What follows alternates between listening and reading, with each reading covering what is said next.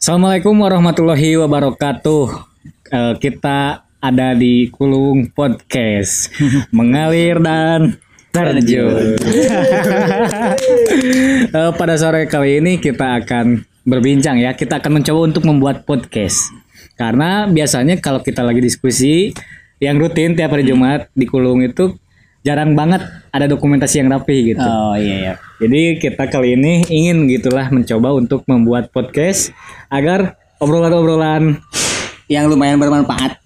kayaknya bertenaga lah. Bertenaga. Bertenaga dua kuda insya Allah. bisa didokumentasikan. Iya. Bisa kita dengarkan kembali. Bisa kita share juga ke teman-teman yang nggak bisa datang. Oh, iya, betul. Mungkin karena dia taat terhadap protokol PPKM. kesehatan. Iya. Kalau kalau kalau begitu berarti kita yang nggak nggak taat berarti. Orang. Jadi komputer juga tetap kan. Oh iya betul. Jadi kita udah pada vaksin nih. Oh iya benar. Ada di sini. Chip. Wajib. Sore kali ini kita akan ngebahas tentang apa dulu nih? Intro ya. Intro aja sih. Eh, kita akan membahas tentang bagaimana perjalanan komunitas Kulung. Sampai bisa ngadain podcast podcast macam gini gitu ya. Oke. Gimana nih ceritanya? Pertama dari perspektif saya dulu mungkin ya. Iya iya. Sama-sama. Jadi sebenarnya komunitas Kulung itu adalah halaman baru atau eh, seri kedua dari perjalanan-perjalanan yang panjang sebelumnya. Jadi kita itu der- terkumpul pada awalnya itu di Sanggar Seni Kobong. Tapi sebenarnya nggak hanya Sanggar Seni Kobong karena waktu itu kita selalu beraliansi, Berka- berkolaborasi. berkolaborasi lah. Kalau sekarang eh, banyak ya jargon-jargon bahwa sekarang itu bukan kompetisi tapi zamannya kolaborasi. Betul. Kita dari 2014 berkolaborasi dengan Sanggar Seni Gama, SMA Islam Cipasung, dengan sanggar-sanggar di STI, STC dan IAIC juga di Unsil. Betul betul. Terus juga sama SMA-SMA lain. Eh, kita emang pada bas- dasarnya itu berkutat di dunia kesenian, di dunia sanggar-sanggar gitu ya.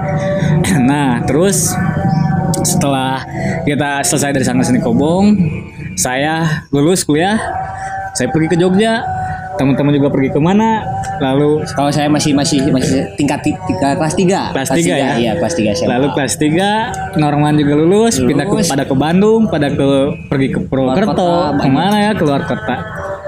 Adalah time skip gitu ya. Seperti Sampai film One Piece itu. seperti One Piece ada time skip. 2017 kita berkumpul lagi mengadakan Wiyata Buana. Oh iya acara ya. Acara Wiyata Buana yaitu diskusi tentang lingkungan, Jar. Bersama Paus Nur waktu dulu tuh. Kita diskusi terkait lingkungan karena dulu kita concern terhadap lingkungan. Terjadi eksploitasi besar-besaran di Gunung Galunggung kita juga bikin video. Terus kita juga mengadakan bersih-bersih Galunggung dan penyerahan eh, seperangkat sampah tong ya? sampah. Tong sampah Nah, ya. Cinta lingkungan. Iya kita bersih- kita bersih bersih galunggung tuh bibir bibir kawah itu kita ulik. Kita garap. tuh. Garap. Kita juga ngasih berapa puluh tong sampah ya lupa lagi saya Kemarin ada yang dokumentasi masih ada kan? masih ada ternyata masih ada. Kul- eh, ini tong sampah dari Kulung di Galunggung alhamdulillah Bisa berkah bisa dicek langsung ke BTW tadi ya berawal dari Sanggar Seni Kobong bertepatan di mana? di Cipasung Tasikmalaya Jadi itu itu eh, organisasi ya, organisasi. Ah, organisasi eskul ya. Eskul lah, eskul Eskul sekolah. sekolah. Jadi emang dari anak SMA gitu remaja SMA yang ingin apa ya mengekspresikan kreativitasnya tidak ingin dilebur oleh pergaulan remaja gitu ya.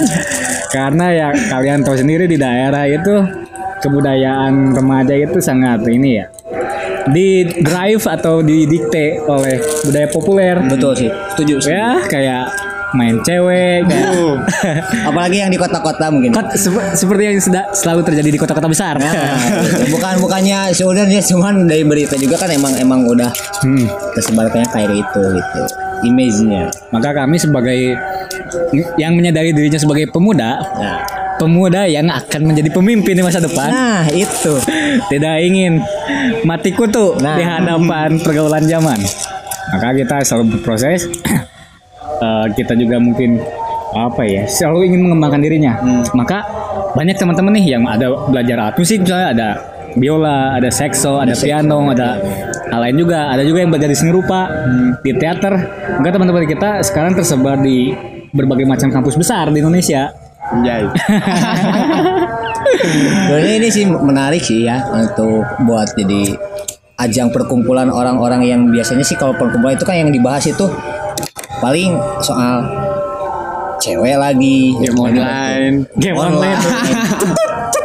atau gini terus itu kan ya istilahnya mungkin emang ada manfaatnya ya Manfaat. ada mungkin dia di sisi lain ada manfaatnya mungkin untuk bersilaturahmi sesama teman tapi kan di sisi lain kalau misalkan bisa dijalurkan ke yang lebih Iya. bermanfaat kan itu lebih oke lah gitu Terutama mengingat apa ya moto pendidikan abad 21 itu ada 4 C.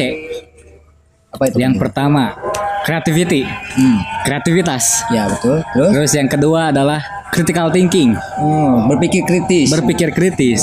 Maka kita adain diskusi, adain literasi membaca bersama gitu ya. Ada klub buku juga dikulungkan, klub, iya. klub membaca untuk mengasah critical thinking kita.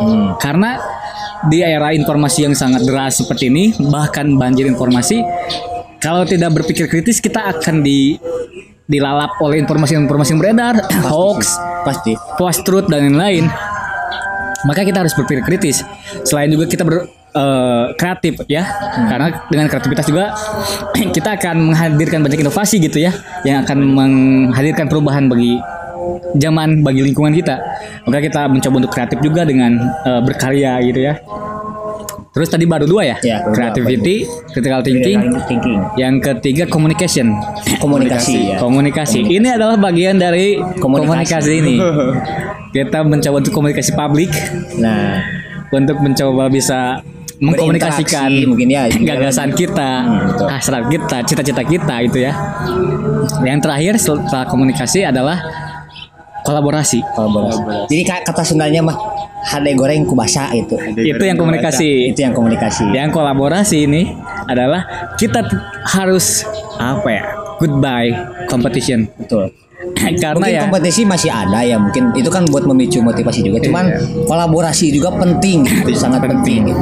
daripada kita terus bersaing saling sigeg lah kata Sunda nama gitu Kalau kalau saya kan bobotoh ya, Bobotoh, siap. menang bersama. Aja. Jadi motonya gitu kolaborasi. Maka ya apa yang kita coba lakukan bersama-sama ya sebagai gerakan kolektif di daerah. Kita ini emang ada di daerah di Kabupaten Tasikmalaya yang nggak terlalu besar. Kita ingin mencoba untuk berdaya gitu ya. Kita tidak hanya ingin apa ya mengkonsumsi apa saja yang diberikan oleh kota-kota besar, tapi kita juga ingin mencoba untuk memproduksi dari kota kecil ini. tapi Kang Diwan eh, ini saya teh mau nanya ya jadi takutnya ada eh, pemirsa atau pendengar yang ini mau nanya soal diadakannya podcastnya tuh Hmm. eh, temanya tuh apa sih yang menarik gitu yang akan diambil ke depannya itu apa sih Jadi kalau sebenarnya ini bukan podcast yang pertama kali dilakukan oleh Kulung ya. Waktu bulan Ramadan kemarin tuh kita sempat kerjasama dengan media NU Kabupaten Tasikmalaya bertempat di kantor PCNU. Kita ngadain tiap hari tuh setiap sore menjelang ngabuburit, lagi ngabuburit gitu, kita ngadain podcast. Itu kita membahas tentang tema-temanya ke keagamaan, kebudayaan, sama teknologi masa depan. oh iya iya. Jadi jadi mungkin menyesuaikan berarti ya Menyesuaikan tema. yang akan diambil nanti ke depannya itu mungkin menyesuaikan kondisi yang sedang terjadi mungkin Iya. ya yang sedang hangat gitu. Tapi pastinya karena Kulung bergerak di bidang pendidikan dan kebudayaan Hmm. Kemendikbud anjing kita anak didik. akan bergerak akan berbicara lah banyak tentang pendidikan tentang kebudayaan juga. Kebudayaan populer kebudayaan tradisi atau bahkan tujuh aspek tujuh unsur kebudayaan koncara ningrat gitu ya. termasuk ekonomi digital dan lain-lain gitu ya karena ya basically teman-teman di sini tuh multidisiplin saya sendiri basicnya kuliahnya filsafat Fajar Kesenian teater. kesenian teater Saya teater. Saya eh, refraksi optisi. Tuh, science ya Science, tentang mata. Jadi emang beragam banget. Ada teman yang di pemerintahan, Baik, ilmu baik. pemerintahan maksud saya. Ada yang di karawitan, ada yang di sosiologi, ada yang di bahasa Arab, Oh iya, ada ada yang di pendidikan Arab, agama Islam, banyak banget, ada berbeda-beda. ada juga yang sudah berpengalaman di luar kota mencari kerja dengan pengalaman yang banyak itu mungkin dibawa ke Ah. sini kan Ada yang pengalaman kerjanya udah banyak gitu ya, ada yang di teknik, industri dan lain-lain. Jadi kita sangat beragam, multidisiplin lah. itu kemajemukan itu emang harus dijaga. Karena kalau misalnya komunitas tuh adalah sa- ini ya sa- sebuah kumpulan yang mempunyai satu kesukaan yang sama. Misalnya komunitas motor, ya betul betul. Komunitas reptil, oh. Ada apa? Korejat. Kore- oh iya kolejat Kore- komunitas reptil Jatinangor. Gitu ya. betul, betul. ada juga komunitas cupang. Cupang eh, apa cupang? Ikan cupang maksud saya. Enggak maksudnya komunitas apa? Oh ya komunitas penyuka, ikan cupang. penyuka ikan cupang. Iya. Hal yang spesifik gitu. Kita, kita tidak terlalu spesifik. Tapi kita punya kesamaan kebersamaan yang itulah yang jadi landasan itu karena kemajemukan harus jaga pluralitas gitu. Pluralitas. jadi gitu sih. Eh ya terus eh, pandemi nih 2020 kebetulan saya udah lulus kuliah juga teman-teman juga udah pada lulus kuliah. Kita kembali lagi ke Tasikmalaya setelah sebelumnya merantau. Merantau. oh ya lulus, lulus kerja itu lulus kuliah. Kuliah. kalau kerja kan sekarang terbuka di mana-mana. Iya. lapangan kerja? Kalau saya kan eh, berhentinya berhentinya kerja itu emang karena pandemi ya. Karena pandemi. Awalnya itu awalnya kerja di mana? Awalnya kan kerja di Bandung. Hmm. di sebuah optik di Bandung di daerah alun-alun Hmm. nah awalnya itu emang kalau misalkan emang awalnya gak ada pandemi mungkin ya saya masih masih Masih di Bandung di ya? Bandung. Dan masih berpenghasilan? Masih berpenghasilan. Kalau sekarang kan berapa digit gitu ya? kalau sekarang kan berpenghasilannya nggak seberapa. Ya maksudnya maksudnya gini jadi ada hikmahnya juga gitu di balik pandemi ini. Ya, jadinya kita kumpul kembali gitu Iya. kumpul kembali bersama ternyata me- memberikan pengalaman masing-masing gitu disaringkan eh, bersama gitu yang akhirnya menjadikan ada inovasi kita bikin podcast kayak gini itu kan Iya. karena itu Iya. saling saling jadi emang sebenarnya kita melewati banyak time skip ya Mm. time skip habis kuliah terus time skip juga pasca kuliah dan sekarang setelah lima tahun enam tahun berlalu kita kembali dan juga bersama teman-teman baru yang lain Hmm. kita dekat juga dengan masih terhubung dengan Sang Seni Kobong, dengan Sang Seni Gama, dengan kampus-kampus di sekitar Cipasung, di sekitar Tasikmalaya. Jadi kita makin lebar sebenarnya kan ya. kita memuat banyak gerbong. Betul. Bahkan kita uh, punya uh, apa istilahnya uh, hubungan dengan kedai-kedai kopi gitu kan jadinya Kafe-kafe. Kita kafe-kafe terkoneksi. terkoneksi juga gitu. Itu dalam semangat kolaborasi, Kolaborasi itu. Bahkan Saling- kan ada juga kan yang malah sering jadi ikut ikut diskusi Banyak. banyak ya Banyak. yang awalnya Sebenarnya- kita nongkrong di tempat kopi itu jadi ikutan ke kita Hmm, gitu ya. tidak hanya pelajar dan mahasiswa. Bahkan kita juga sering terhubung sama bapak-bapak, sama ajengan-ajengan deh. Jangan. Udah sorry. Anjing cari bara. Astagfirullah. Apa yang harus diserikan ya? Sama kiai-kiai karena itulah ulama kita Well, kita. yang harus kita serap ilmunya. Astagfirullah. Sorry. Enggak saya saya ketawain cara di Oh, gitu. Nah. Kita juga ingin mengalap berkah dari Berkah. para ulama. Allahumma sholli ala sayyidina Muhammad. Lalu kita juga terhubung dengan ya sering beberapa kali ikut audiensi Iya. bersama dewan DPR gitu ya. Karena kita juga per- perlu untuk apa ya?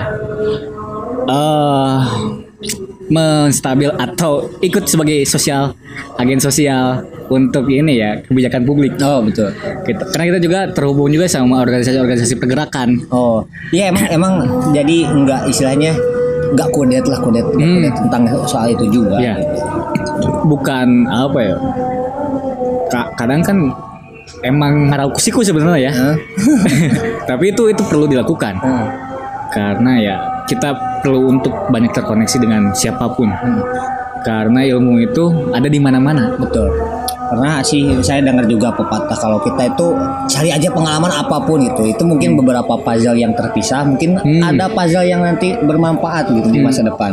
Jadi istilahnya jangan sampai kalian itu diam gitu. Jangan Hmm. sampai kalian itu diam. Geraklah gerak gitu. Kartu-kartu yang akan penting itu ya. Keluar dari zona nyaman. Oke. Nah, Kalau bahasa populernya gitu ya. bahasa remaja. zona nyaman. Apalagi kan sekarang di masa pandemi kan emang enaknya rebahan gitu ya. Diwan eh, itu lebih baik gitu ya. pagi mau keluar takut gitu kan. Mau mau beraktivitas takut ya enaknya rebahan gitu kan. Main medsos gitu. Terus ter- terpengaruhi sama medsos gitu kan. Itu kan mempengaruhi ke psikologi kita gitu. Iya cemas. Cemas jadinya khawatir. Takut anxiety dan lain Wah, cemas itu. Karena banyak Perlu- banget perlu ya. hiburan gitu kan yang kemarin apa quotes IG teh? Yang kemarin teh? Oh kenapa gue jalan-jalan. Kenapa gue jalan? karena itu lebih murah daripada biaya ke psikolog. Gitu kan? Jadi mending jalan-jalan aja santai gitu. Iya karena apa ya? Sekarang itu selain kesehatan fisik kesehatan mental pun banyak serangannya. Betul betul ini sangat serius sekali dan apa ya sering banyak terjadi di kalangan remaja itu. Guncangan mental psikologis. Ya karena mungkin banyak diem di rumah kurang interaksi. Juga karena mungkin terpapar banyak sosmed dan lain. Jadi mentalnya nggak stabil. Banyak banget tuh yang mereka tuh secara mental nggak baik-baik aja. Maka kita pun sering banget tuh ngadain sesi-sesi mental health. Walaupun apa ya walaupun kita belajar sebenarnya ya untuk memahami tentang kejiwaan kita juga beberapa kali tuh pernah ngadain bareng sama psikolog sama eh, sarjana psikologi dan master psikologi juga magister psikologi Anggara Samsara. Kita ngadain semacam meditasi bersama dengan eh, meditasi vipassana Buddha Buddhism juga habis itu kita sharing-sharing konsultasi tentang psikologi. Oh, iya. Waktu itu kebetulan ada Ahwan atas 5 SPSI dan ya se- sebagai sarjana psikolog gitu ya. Mereka, eh, beliau menceritakan banyak hal lah tentang psikologi, gitu ya. psikologi mungkin ya Bagaimana kita harus merawat psikologi kita gitu ya secara psikis. mungkin lebih ke bagaimana kita merespon apa yang kita terima mungkin ya Iya. sana ya. Juga apa ya?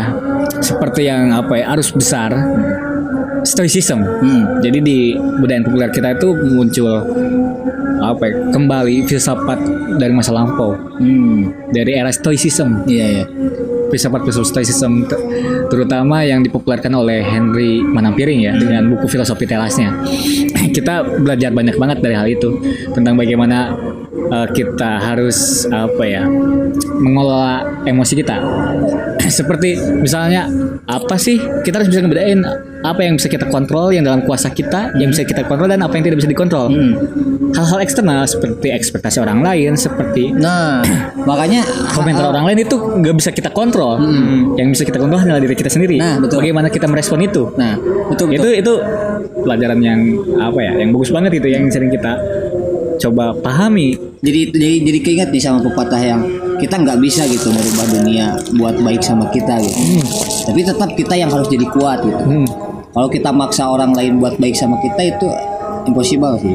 Cuma Ya, kalau misalkan itu di luar emang- kontrol kita itu. Ah, di luar kontrol kita. Tapi kalau misalnya kitanya emang udah tahan banting duluan ya mau apa pun yang ke kita itu ya pasti respon dengan baik gitu. Eh, makanya penting banget mental kuat tuh. Betul. Jangan mental tempe. Tahu-tahu. mental mau tempe. Bertanya mau bertanya. Oh gimana? Gimana? gimana? Kan tadi Kulung eh, teman-teman di sana sudah menceritakan Kulung itu eh, multidisiplin dan lain-lain ya. Iya. tapi secara deskripsi Kulung itu apa? Bergerak dalam apa? Hmm.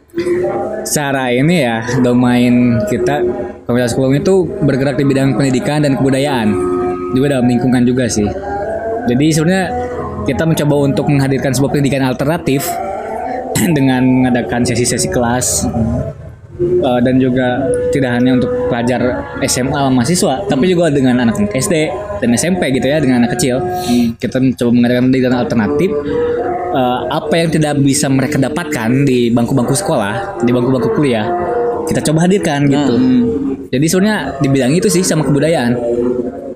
Begitu pertanyaannya. Mungkin ini eh, bisa dikatakan apa namanya eh, kritis tapi tidak menyerang gitu jadi kita itu menghadirkan apa yang tidak ada gitu yang tidak ada secara formal gitu diadakan di kita. Itu kan seolah-olah kita kritis oh misalkan di eh, pendidikan formal nggak ada nih harus ada tapi kita nggak bisa maksa mereka untuk ngadain ya udah kita adain. Misalnya di sekolah-sekolah itu jarang ada eh, tentang psikologi gitu ya, tentang bagaimana jiwa manusia. Kita ada hadirkan itu ke publik-publik pelajar dengan tentunya dengan bahasa yang sederhana yang bisa dipahami gitu kan. Seperti itu sih. Mengalir dan terjun lah. Contohnya kayak gimana kan Diwan? Kayak oh yang kayak yang kita biasa dongeng-dongeng sama anak-anak itu ya. Iya, kita mencoba untuk apa ya? me- jadi sebenarnya ketika kita mengadakan program mendongeng bersama anak kecil, dongeng itu sangat penting bagi anak kecil. Dongeng itu memantik imajinasi. Bahkan ada salah satu penulis Australia, saya nggak akan sebutkan namanya karena mungkin kalian nggak akan tahu ya. Padahal main lupa namanya. Jadi apa hadiah yang terbaik yang diberikan oleh alam kepada manusia? Yaitu metafor metafor, bahasa metaforik ya. Bahasa metaforik itu adalah seperti sebuah kargo yang memuat banyak makna. Seperti sebuah kapal besar yang memuat banyak makna-makna. Jadi dengan dongeng yang kebanyakan menggunakan kata-kata metaforik. Kata-kata metafor itu kata-kata amsal, kata-kata apa ya? Yang tidak langsung Maksudnya itu tidak langsung Ah. disampaikan gitu. Itu akan memantik imajinasi mereka. Misalnya ketika kita mendongeng tentang apa ya mitologi Yunani, kita ngomongin tentang Zeus atau tentang Sisyphus atau tentang siapa pun gitu ya, dia akan membayangkan sebuah landscape Yunani yang dia nggak pernah sentuh, nggak pernah injak. Atau ketika kita ngomongin tentang mitologi Nordik di Eropa Utara, ia akan membayangkan sebuah daerah yang matahari jarang banget datang. Sebuah daerah yang dingin penuh dengan salju. Itu akan menghadirkan imajinasi imajinasi. Dan itu penting untuk untuk apa ya? kecerdasan. Kecerdasan eh, berimajinasi. Itu penting sekali. Jadi kayak gitu sih kita mencoba ikhtiar gitu ya. Dengan semangat kerja bakti. Kerja bakti. Kerja bakti. Non profit kita mencoba untuk bisa men-share apa yang kita punya basically berbagai macam disiplin ilmu kita kita ingin share itu Dan ke kita halayak. harap mungkin ya eh, ada ada adanya podcast ini yang mungkin nantinya kita share mungkin ke publik ya ada yang menarik bagi mereka di kita gitu. Bisa Iya. aja kan mereka ikut jadi ke kita, ikut ikut berdiskusi dengan kita, berbagi pengalaman gitu. Hmm. Diadakannya podcast ini tuh seperti itu. juga kita tidak hanya ingin men-share ilmu tapi kita juga ingin menyerap banyak ilmu ya yang yang ada di anak-anak kecil yang ada di teman-teman pelajar dan lain-lain gitu seperti itu ini sangat menyenangkan bagi saya Sama sih makanya emang kalau misalkan saya pribadi ya Kang Iwan, kalau saya pribadi sih emang nggak suka diem ya. Dari kecilnya itu emang nggak suka diem gitu. Istilahnya diem di kamar. Nangor gitu nya. Ah, liar gitu istilahnya. Ya kalau misalkan udah udah diem lama di kamar tuh Wah pusing gitu, mumet gitu, badan tuh mumet gitu. Jadi pengennya tuh cari tuh eh, ruangan-ruangan kayak gini gitu. Apa namanya tuh yang di luar ruangan lah Outdoor ya? Outdoor lah. Kalau bahasa zaman sekarang mah gabut mungkin. Gabut ya. Nah, kalau bahasa zaman sekarang mah badut gabut. bahan gabut doang tapi saya pengen nanya ke Pajar nih Pajar udah setahun lah ya Iya. di ada di Kluwung gitu gimana nih perasaan Pajar atau ya pengalaman Pajar ketika di Kluwung Ya mungkin banyak juga ilmu yang diserap gitu ke diri Pajar. Soalnya sebelum sebelum masuk kulung ibarat kurang ngobrol-ngobrolnya misalkan ya. Hmm. Jarang-jarang ada kata-kata yang ngerti gitu. Hmm. Jadi setidaknya lah eh, sering-sering ngedengar jadi sering-sering ngerti kan sering diskusi ada dulu. kata-kata baru Ah, gitu ya kata-kata baru. Jadi sebenarnya untuk apa ya? Untuk kita masuk ke samudra pengetahuan Hmm. itu ada dua alat yang harus kita bawa, Hmm. yaitu kalau bahasa pesantren itu adalah eh, bahasa dan juga logika. Kalau bahasa pesantrennya adalah nahu sorob dan mantik. Oh iya benar. Nah, sorot dan Yang pertama itu kita harus mempunyai kemampuan berbahasa yang baik Hmm. untuk mendalami samudra pengetahuan karena pengetahuan itu disimbolkan dengan bahasa, dengan kata-kata ya. Maka itu penting sekali. Pada awal kita ingin masuk ke dalam pengetahuan, kita harus memahami banyak bahasa. Bukan banyak bahasa ya, mengerti mengerti bahasa. bahasa gitu. Kayak gitu sih. Eh mungkin sekian dulu ya. untuk intro ya. Untuk intro. kali ini. Senja telah hilang, Ya telah hilang. matahari lenyap, malam akan datang. Malam akan datang. Kita nggak punya lighting, Ma- ma- belum punya lighting. Belum punya lighting. Maghrib juga akan datang. Mungkin pindah tempat. ya, jadi kita akan tutup dulu podcast kali ini. Terima kasih banyak Buat yang mendengarkan. buat yang mendengarkan. Oke, Kulung Podcast mengalir Iya, dan dan terjun. Anjir.